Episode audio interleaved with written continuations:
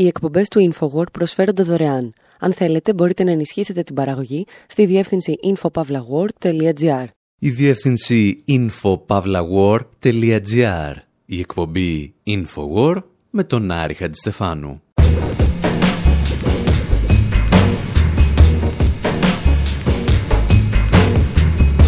όπου σήμερα κηρύσουμε επισήμως την περίοδο του κυνηγιού των μαγισσών.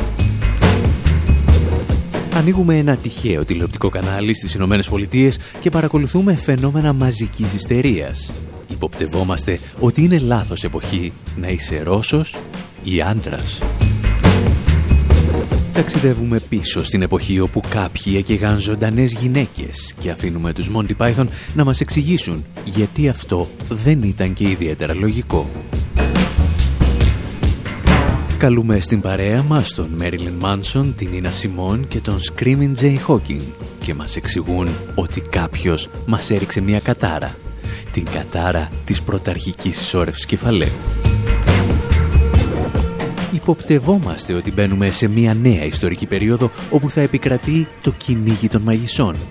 Και γι' αυτό θέλουμε όσο προλαβαίνουμε να καταλάβουμε τι πραγματικά συνέβη στις δίκες του Σάλεμ και γιατί στο Μεσαίωνα Εκτέλεσαν και έκαψαν ένα εκατομμύριο ανθρώπους. Ξεναγή μας σε αυτό το ταξίδι του παραλόγου, η Μόντι Πάιθον.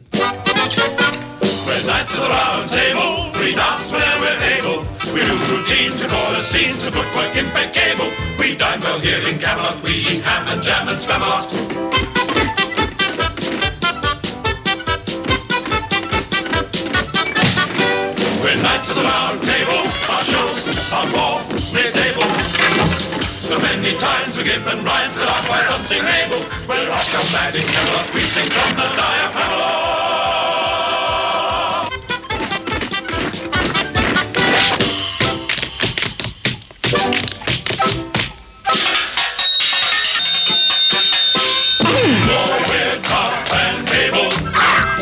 Indefatigable. Between our quests, we seek to best in a person Οι Monty Python τραγουδούν για τους υπότες της τρογγυλής τραπέζης στην ταινία «Το αδελφάτο των υποτών της ελεηνής τραπέζης». Ήταν βλέπετε εκείνη η εποχή όπου οι διανομείς ταινιών στην Ελλάδα πίστευαν ότι μπορούν να χωρέσουν καμιά δεκαριά λογοπαίγνια στον τίτλο μίας και μόνο ταινίας. We have found the witch, may we burn her? Burn her! Burn her! Who do you know she is a witch? She looks like one! Yeah, she looks like one! Τα τελευταία χρόνια, όποιος δημοσιογράφος, οικονομολόγος, ιστορικός ή κοινωνιολόγος θέλει να αναφερθεί στο λεγόμενο κυνήγι μαγισσών, ξεκινά συνήθως την ανάλυση του, περιγράφοντας αυτή τη σκηνή από την ταινία των Monty Python.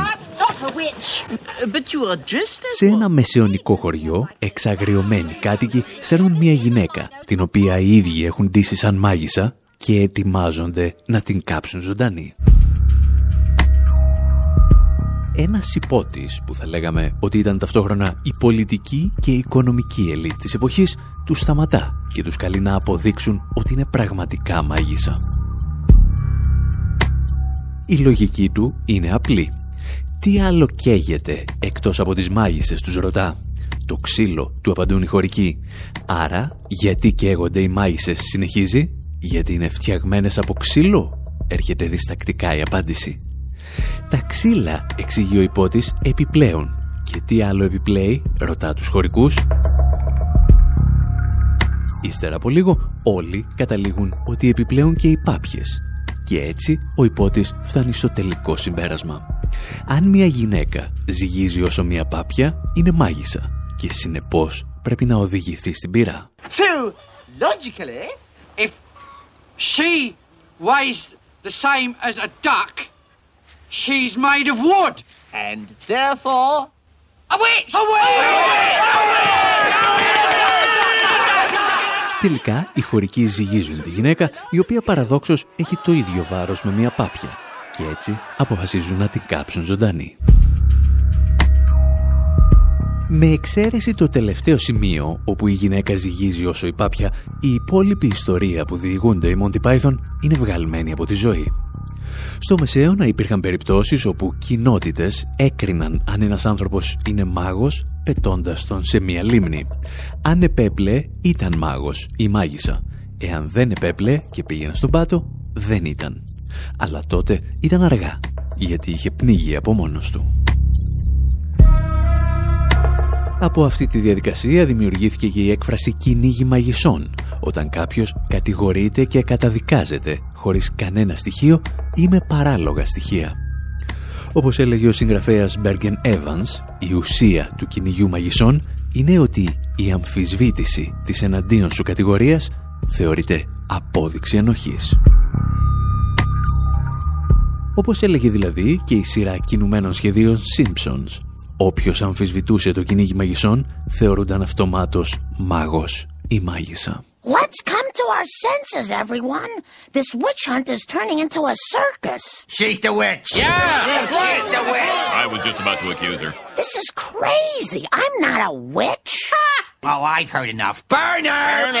Το πρόβλημα είναι ότι, σύμφωνα με ορισμένους ιστορικούς, η λογική του κυνηγιού των μαγισσών επιστρέφει στις κοινωνίες της Δύσης, όπου παρατηρούνται φαινόμενα μαζικής ιστερίας. Και το ερώτημα είναι ποιος ευθύνεται γι' αυτό; Και στους Monty Python και στους Simpsons βλέπουμε ότι τις τελικές αποφάσεις δεν τις λαμβάνει ο όχλος, αλλά η ελίτ. Και αυτό ακριβώς θέλουμε να εξετάσουμε ύστερα από ένα τόσο δα μικρό διαλυματάκι. Well, there must be someone here we can accuse. Lisa Simpson. Bart, quit it. She put a spell on me.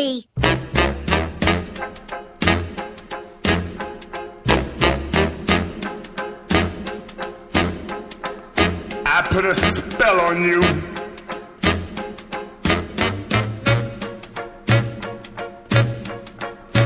Because you're mine.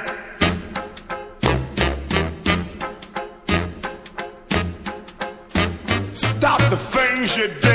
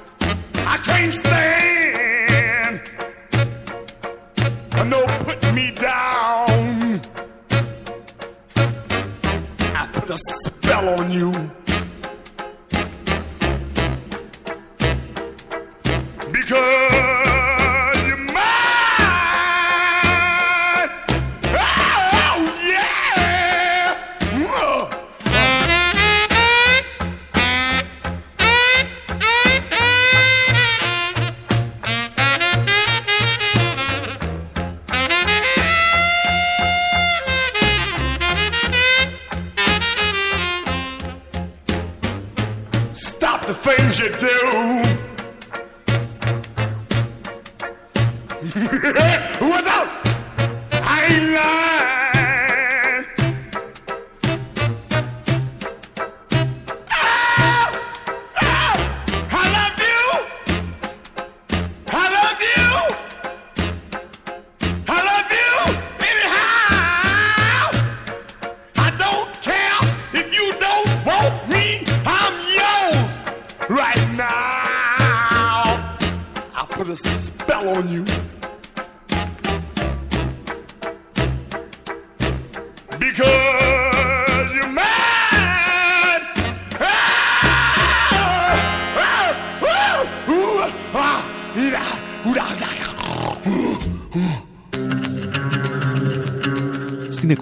Infowar με τον Άρη Χατζηστεφάνου δηλώνουμε μάγισσες και ρίχνουμε κατάρες σε όσους επιχειρούν να μας ρίξουν στην πύρα.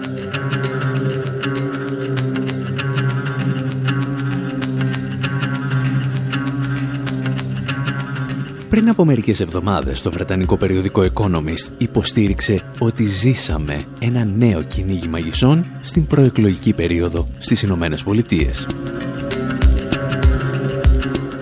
Δύο αντίπαλοι, έγραφε ο Economist, χρησιμοποίησαν αρκετές από τις μεθόδους χωρίς στοιχεία, τις οποίες είχαμε γνωρίσει σε προηγούμενους αιώνες. Το πρόβλημα ήταν ότι η φιλελεύθερη Αμερική της Χίλαρη Κλίντον αλλά και το μαύρο σκοτάδι του Ντόναλτ Τραμπ κλιμάκωσαν αυτό το κυνήγι μαγισσών και μετά τις εκλογές. Αρκεί να ανοίξεις ένα αμερικανικό τηλεοπτικό δίκτυο ή να διαβάσεις τους New York Times για να καταλάβεις ότι όλα τα θέματα της επικαιρότητας πρέπει να οδηγούν σε φαινόμενα μαζικής ιστερίας. Όλα ξεκίνησαν με τον πόλεμο που κήρυξαν οι φιλελεύθεροι εναντίον της Ρωσίας, την οποία πλέον κατηγορούν για ό,τι στραβό συμβαίνει στον πλανήτη. Μεταξύ άλλων ακούσαμε ότι Ρώσοι πράκτορες αλλίωσαν το αποτέλεσμα των εκλογών για να κερδίσει ο Τραμπ, προσπάθησαν να δηλητηριάσουν την Χίλαρη Κλίντον, παρενέβησαν στο δημοψήφισμα του Brexit για να διασπάσουν την Ευρωπαϊκή Ένωση και έπαιξαν καθοριστικό ρόλο στην αναταραχή στην Καταλωνία. Πιο απλά, ό,τι δεν ταιριάζει με την φιλελεύθερη θεώρηση της πραγματικότητας και όποτε οι λαοί αμφισβητούν τις εντολές του New York Times και αποτυχημένων πολιτικών όπως η Hillary Clinton, υπάρχει δάκτυλος του Πούτιν. Και ύστερα ξέσπασε και ένα νέο κυνήγι μαγισσών με τις αποκαλύψεις περί σεξουαλικής παρενόχλησης από πολιτικούς και αστέρες του Χόλιγουντ. Μια υγιής αρχικά προσπάθεια που θέλησε να ξεσκεπάσει τον σεξισμό και την άγρια εκμετάλλευση των γυναικών μετατράπηκε σε ιστερικό παραλήρημα. And another accuser has come forward alleging Senator Al Franken cupped her breast during a photo shoot. Out to new allegations, though, against Kevin Spacey. Eight people who work on House of Cards reportedly accusing the star of sexual harassment, saying it created a. The body count grows higher by the day, it seems. NBC News has fired Matt Lauer, as you have heard by now. Barely 24 hours after they say they first received a complaint of sexual misconduct against him. Οι καταγγελίες είναι πλέον εκατοντάδες και σχεδόν κανένας δεν μπαίνει στον κόπο να επιβεβαιώσει την εγκυρότητά τους. Η αρθρογράφος Emily Λέιντεν, μάλιστα, έγραφε πρόσφατα ότι δεν την απασχολεί καθόλου αν ορισμένοι αθώοι άντρες χάσουν τη δουλειά τους από ψευδείς καταγγελίες σεξουαλικής παρενόχλησης αν μερικοί αθώοι κατηγορηθούν στην προσπάθεια να ανατρέψουμε την πατριαρχία, έγραφε, είναι ένα κόστος που είμαι έτοιμη να αποδεχθώ. Η βασική αρχή δηλαδή κάθε δικαιικού συστήματος που λέει ότι καλύτερα να οθωθούν δέκα ένοχοι παρά να καταδικαστεί ένας αθώος ανατράπηκε με ένα tweet. Για να μην παρεξηγηθούμε, το πρόβλημα της σεξουαλικής παρενόχλησης γυναικών είναι όχι μόνο υπαρκτό, αλλά έχει τεράστιες διαστάσεις. Και οι ένοχοι πρέπει να τιμωρούνται πάντα παραδειγματικά. Το ερώτημα είναι αν πίσω από τη μαζική ιστερία κρύβεται και κάτι άλλο. Και για να απαντήσουμε θα πρέπει να επιστρέψουμε στο Hollywood στα χρόνια του Μεσοπολέμου με ο λίγον από Benny Goodman.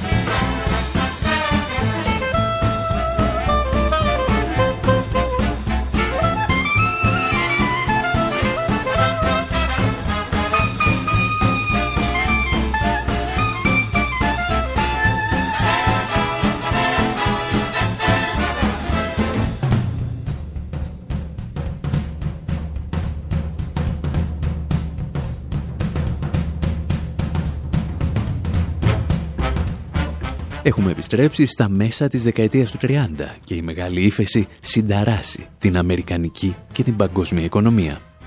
Η κοινωνία είναι έτοιμη να εκραγεί και ξεκινούν μεγάλες απεργίες και συχνά βίαιες συγκρούσεις με την αστυνομία. Και τότε κάποιοι αποφασίζουν ότι για όλα τα δεινά ευθύνεται η ελευθεριότητα που επικρατεί στη βιομηχανία του θέαματος και συγκεκριμένα στο Hollywood.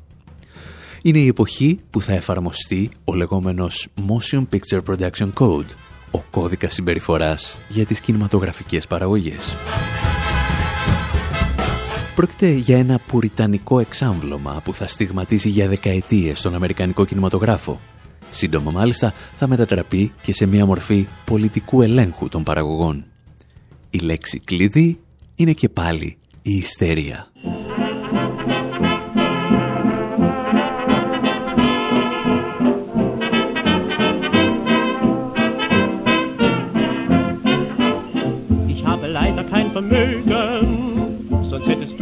bei mir.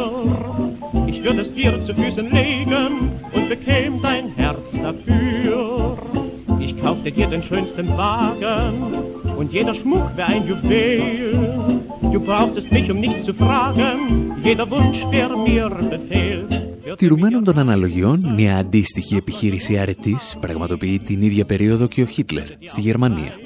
Για την οικονομική κρίση δεν πρέπει να ευθύνεται το οικονομικό σύστημα και ο πρώτος παγκόσμιος πόλεμος, αλλά η ελευθεριότητα που επικρατεί στα καμπαρέ της δημοκρατίας της Βαϊμάρης.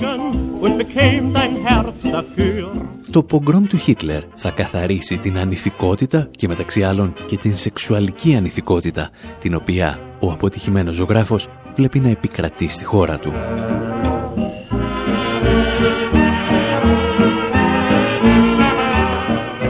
Το ερώτημα είναι, μπορούμε σήμερα να μιλάμε τηρουμένων των αναλογιών για ένα ανάλογο ξέσπασμα πουριτανισμού που εκδηλώνεται με αφορμή τις πολύ σοβαρές καταγγελίες σεξουαλικής παρενόχλησης; Και η απάντηση είναι, βεβαίως και μπορούμε. Σε πρόσφατο άρθρο του στους New York Times, ο συγγραφέας Stephen March έγραφε ότι οι άντρες, όλοι οι άντρες, χαρακτηρίζονται από την κροτέσκα σεξουαλικότητά τους καθοδηγούνται, έλεγε, από την χιδαία και επικίνδυνη φύση της ανδρικής λίμπιντο. Ο ίδιος μάλιστα έφερνε σαν παράδειγμα ηθικού ανδρός τον ελληνικής καταγωγής θεολόγο των πρωτοχριστιανικών χρόνων Οριγένη Αδαμάντιο. Και αν δεν θυμάστε γιατί έμεινε στην ιστορία ο Οριγένης, είναι γιατί μια ωραία πρωία πήρε ένα μαχαίρι και αυτό ευνοχίστηκε. Αν όμως το πρότυπο των φιλελεύθερων συντακτών των New York Times είναι ένας ευνοχισμένος θεολόγος, ίσως να έχουμε ένα μικρό πρόβλημα, το οποίο δεν είναι ηθικό όπως νομίζουν ορισμένοι, αλλά βαθύτατα οικονομικό και πολιτικό. Για αυτά όμως και για άλλες ιστορίες με μάγισσες θα μιλήσουμε στο δεύτερο μέρος της εκπομπής. Εσείς να θυμάστε πως όσα λέμε εδώ μπορείτε να τα βρίσκετε και στη διεύθυνση info.pavlawar.gr με δεκάδες ακόμη εκπομπές, ντοκιμαντέρ και τις σημαντικότερες για εμάς ιστορίες της ημέρας.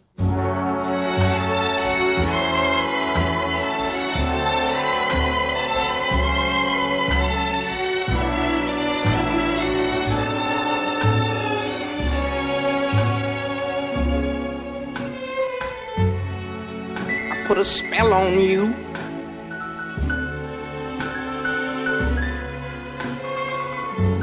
Cause you're mine.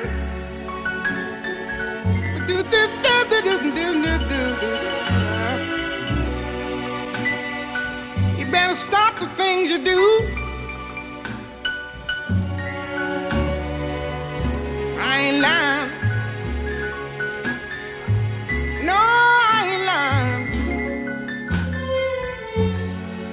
You know I can't stand it.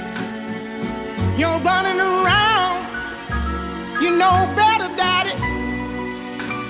I can't stand it cause you put me down. Yeah, yeah. I put a spell on you. Because you're mine.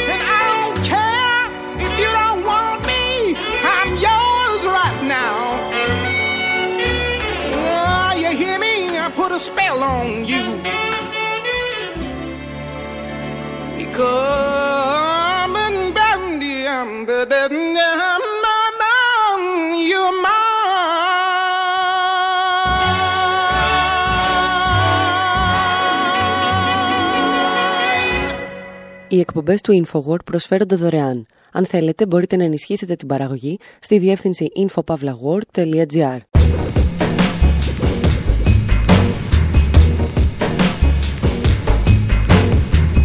Εκπομπή InfoWord, μέρος δεύτερο. Όπου συζητάμε για το κυνήγι μαγισσών και αναρωτιόμαστε εάν σήμερα βλέπουμε τη σκιά των κυνηγών να επιστρέφουν σαν φάρσα στην Ευρώπη και την Αμερική. Για να απαντήσουμε δεν αρκεί να συγκρίνουμε το αποτέλεσμα, αλλά τα αίτια που οθούν ολόκληρες κοινωνίες να λειτουργούν σαν όχλος και να αναζητούν από δύο πομπέους τράγους για να ρίξουν στην πύρα. Και εδώ θα χρειαστούμε μια μικρή βοήθεια από το συγκρότημα Queens of the Stone Age.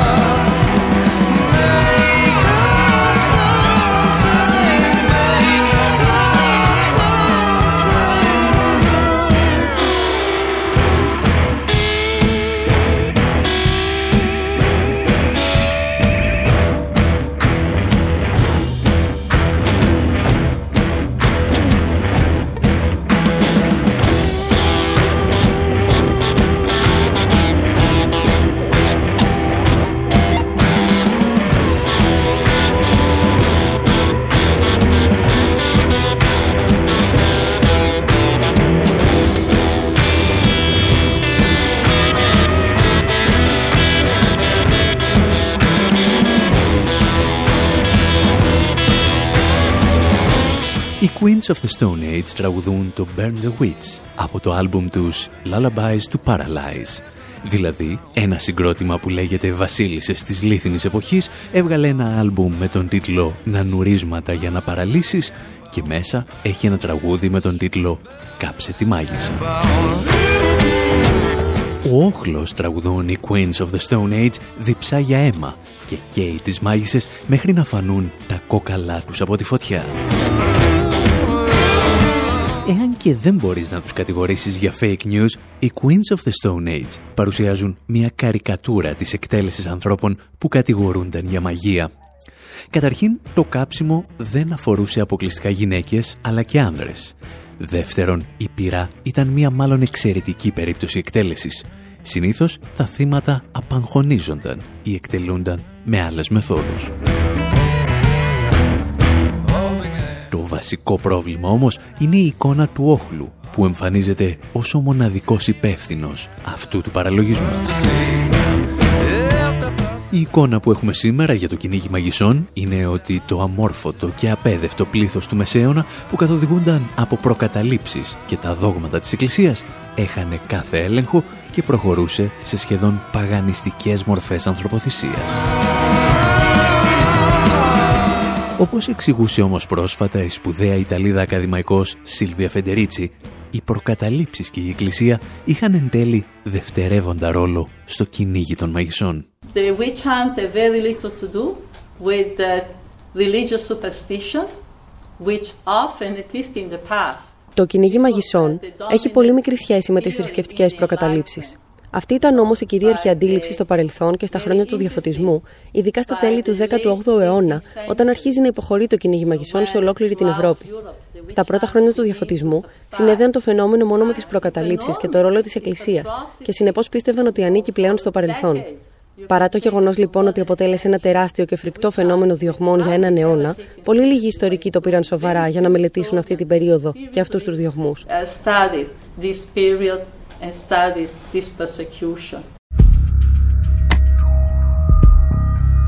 Τα τελευταία χρόνια αρκετοί ιστορικοί αλλά και οικονομολόγοι άρχισαν να ασχολούνται σοβαρά με τα πραγματικά αίτια του κυνηγιού των μαγισσών και κατέληξαν σε ορισμένες πολύ ενδιαφέρουσες θεωρίες.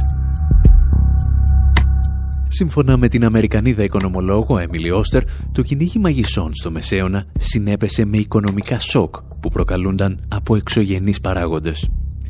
Η ίδια εξέτασε τη λεγόμενη μικρή εποχή των παγετώνων, δηλαδή την αισθητή πτώση της θερμοκρασίας και τη συνακόλουθη μείωση της γεωρικής παραγωγής, που ξεκίνησε από τα μέσα του 13ου αιώνα.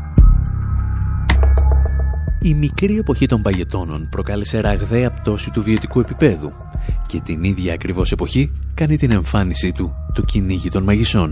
Ένα κυνήγι που μέσα στους επόμενους αιώνες θα στοιχήσει τη ζωή ενός εκατομμυρίου ανθρώπων στην Ευρώπη. Η Έμιλι Όστερ κινείται σίγουρα στη σωστή κατεύθυνση, αναζητώντας οικονομικά και κοινωνικά αίτια στο κυνήγι των μαγισσών. Ξεχνά όμως να εξετάσει τις σχέσεις παραγωγής. Και εδώ χρειαζόμαστε το βάρος μιας ακαδημαϊκού σαν την Σίλβια Φεντερίτσι, η οποία έχει φάει τα νιάτα της στη μελέτη του μαρξισμού και του ριζοσπαστικού φεμινισμού.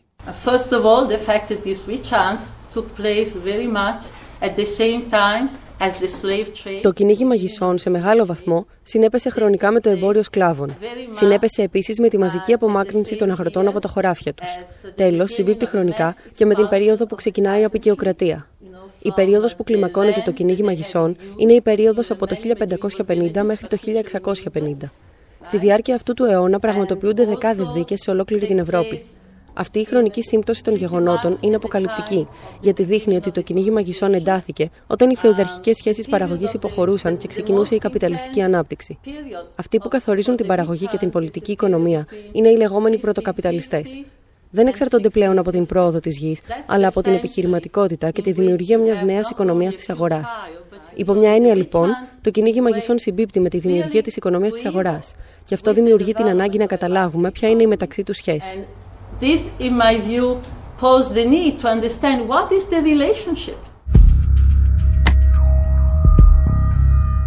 Φεντερίτσι περνά κατευθείαν στην ουσία του ζητήματος.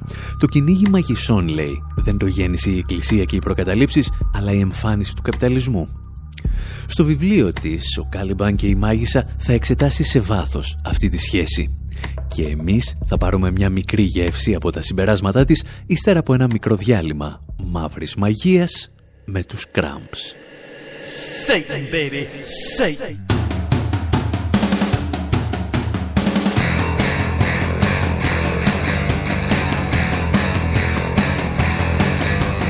Look out, honey, it's a big black witchcraft rock. Hey, hey, baby, it's a big black witchcraft rock.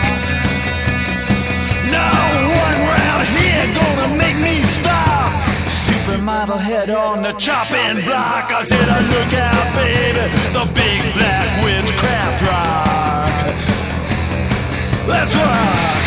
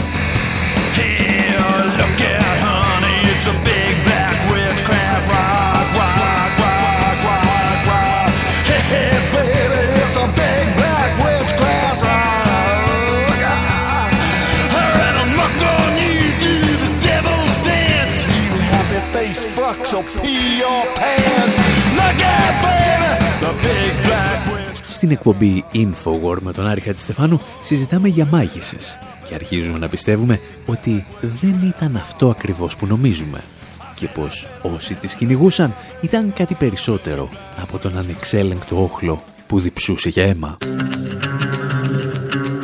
Ακούσαμε την Σίλβια Φεντερίτσι να υποστηρίζει ότι η κλιμάκωση του κυνηγιού των μαγισσών συμπίπτει με την εμφάνιση του καπιταλισμού και δανειζόμαστε αποσπάσματα από μια παλαιότερη ομιλία της για το βιβλίο «Ο Κάλιμπαν και η Μάγισσα» για να καταλάβουμε τι ακριβώς εννοεί. As you know, those of you who have read Marx know that this is the period that Marx speak of Όσοι έχετε διαβάσει Μάρξ θα ξέρετε ότι αυτή είναι η περίοδος της πρωταρχικής συσσώρευσης. Είναι η στιγμή που ο καπιταλισμός πρέπει να συσσωρεύσει τα πιο βασικά μέσα παραγωγής.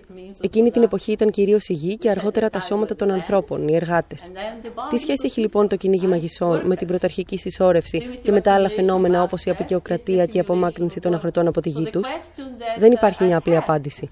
Είναι προφανές ότι το κυνήγι μαγισσών εκπληρώνει πολλούς διαφορετικούς στόχους. Δεν γινόταν για να ποινικοποιήσει μια συγκεκριμένη συμπεριφορά, αλλά αποτελούσε μια επίθεση στο σύνολο του πληθυσμού. Μου θυμίζει τον πόλεμο κατά της τρομοκρατίας, που αρχικά είχε συγκεκριμένους στόχους και μετά έλαβε σχεδόν μεταφυσικά χαρακτηριστικά. Συνειδητοποίησα λοιπόν ότι αυτές οι διώξεις είναι ένα χαρακτηριστικό των μεγάλων ιστορικών ανακατατάξεων, όταν οι ζωές των ανθρώπων πρέπει να μεταμορφωθούν. Right? Those moments when uh, people's life have to be transformed. Ως γνήσια φεμινίστρια και όχι νεοφιλελεύθερη με σαλβάρι, η Φεντερίτσι κάνει μια μεγάλη τομή στη μελέτη του φαινομένου του κυνηγιού μαγισσών. Εστιάζει την έρευνά της στις διώξεις των γυναικών και προσπαθεί να τις εξηγήσει στο πλαίσιο της πρωταρχικής ισόρευσης κεφαλαίου, για την οποία την ακούσαμε να μιλάει. Το νέο καπιταλιστικό σύστημα, εξηγεί, χρειάζεται μηχανισμούς για την αναπαραγωγή των μέσων παραγωγής του κεφαλαίου και κυρίως των εργατών. Και σε αυτό το πλαίσιο η γυναίκα πρέπει να κλειστεί και πάλι στο σπίτι. Το κυνήγι μαγισσών λοιπόν είναι μία από τις πολλές εκφάνσεις μιας συντονισμένης επίθεσης εναντίον των γυναικών στο νέο καταμερισμό εργασίας. Αν και ορισμένοι διαφωνούν με επιμέρους τμήματα της ανάλυσης της σε σχέση με το πέρασμα από τη φεουδαρχία στον καπιταλισμό, η συμβολή της είναι κολοσιαία. Εμείς όμως εδώ δεν θα σταθούμε μόνο στις γυναίκες, αλλά στο κυνήγι μαγισσών ανδρών και γυναικών. Συγκρατούμε ότι αυτή η μαζική ιστερία και οι εκτελέσεις συνδέονται πάντα με ιστορικά γεγονότα και αλλαγές στο σύστημα παραγωγής. Γεγονός που μας φέρνει στη διασημότερη δίκη μαγισσών της ιστορίας, τη δίκη του Σάλεμ. Ξεναγός μας αυτή τη φορά το συγκρότημα Block Party.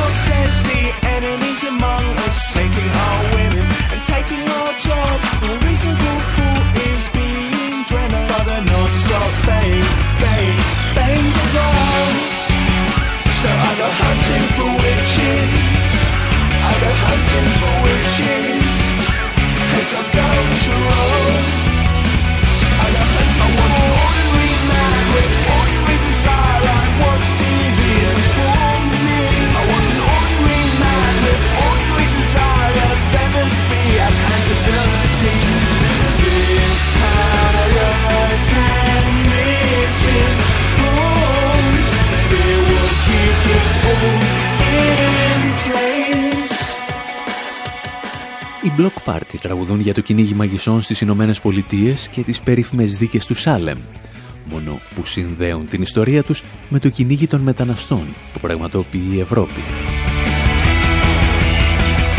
Οι δίκες του Σάλεμ πάντως που αφορούν εμάς ξεκινούν τον Φεβρουάριο του 1692 και ολοκληρώνονται ένα χρόνο αργότερα. 20 άνθρωποι απαγχωνίζονται με την κατηγορία της μαγείας, ενώ 5 ακόμη αφήνονται να πεθάνουν στη φυλακή ανάμεσά τους και δύο βρέφη. Το περιστατικό θα καταγραφεί στο συλλογικό υποσυνείδητο σαν μια υπόθεση μαζικής ιστερίας. Κάτι σαν ένας λόξιγκας της ιστορίας. Και έτσι ο φάκελος θα κλείσει. Ίσως γιατί για άλλη μια φορά κανείς δεν ήθελε να αναζητήσει τις δυνάμεις που προκάλεσαν αυτή την ιστερία. Σύμφωνα με τους ιστορικούς Πολ Μπόγερ και Στέφεν Νίσενμπαουμ, οι λόγοι που τροφοδότησαν τις δίκες του Σάλεμ ήταν και πάλι οικονομικοί. Εκείνη την εποχή στις Ηνωμένες Πολιτείες συγκρούονταν οι παλαιές δυνάμεις της γεωργικής παραγωγής με τους ανερχόμενους κυρίαρχους κύκλους του εμπορικού καπιταλισμού. Ο νέος κόσμος γνώριζε με μια μικρή καθυστέρηση σε σχέση με την Ευρώπη τη γέννηση ενός νέου οικονομικού συστήματος που άλλαζε τους όρους ζωής για εκατομμύρια ανθρώπους. Μεταξύ άλλων βρισκόταν σε εξέλιξη και μια μαζική ακύρωση τίτλων ιδιοκτησίας γης, η οποία μετέτρεψε χιλιάδες αγρότες σε ακτήμονες εργάτες. Και πάνω σε αυτή την εκρηκτική βάση στήθηκε άλλο ένα κυνήγι μαγισσών.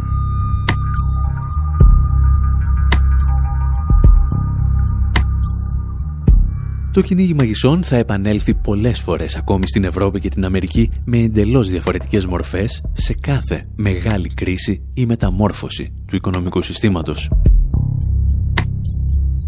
Και μην σκεφτείτε ούτε για μία στιγμή ότι κινητήρια δύναμη είναι η δίψα του όχλου για αίμα. Όπως μας δίδαξαν και οι Monty Python, αυτός που δίνει τελικά την εντολή να καεί μια γυναίκα, γιατί ζήγιζε όσο μια πάπια και συνεπώς ήταν φτιαγμένη από ξύλο, δεν ήταν ο όχλος, αλλά ένας υπότης. Η οικονομική και πολιτική ελίτ της εποχής του. Εμείς όμως με τέτοιου είδους ασυνάρτητες ιστορίες σας αφήνουμε και για αυτή την εβδομάδα. Από τον Άρη Στεφάνου στο μικρόφωνο και τον Δημήτρη Σταθόπουλο στην τεχνική επιμέλεια, γεια σας και χαρά σας.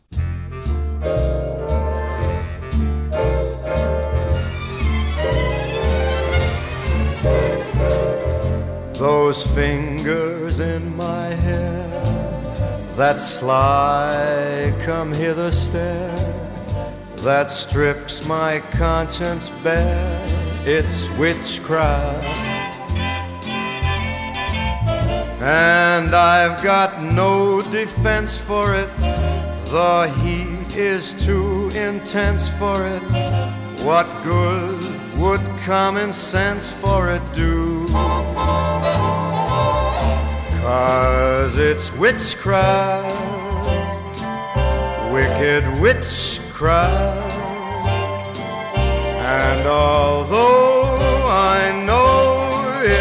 strictly taboo. When you arouse the need in me, my heart says yes, indeed, in me. Proceed with what you're leading me to. It's such an ancient pitch, but one I wouldn't switch. Cause there's no nicer witch than you.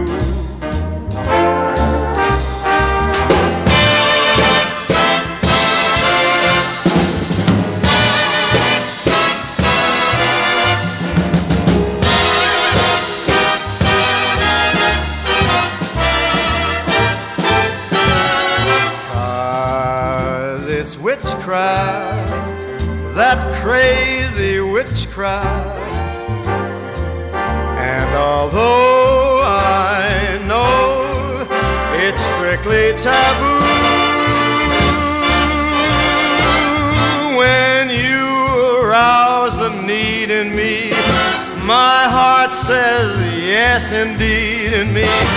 Proceed with what you're leading me to. It's such an ancient pitch, but one that I'd never switch. Cause there's no nicer witch than you.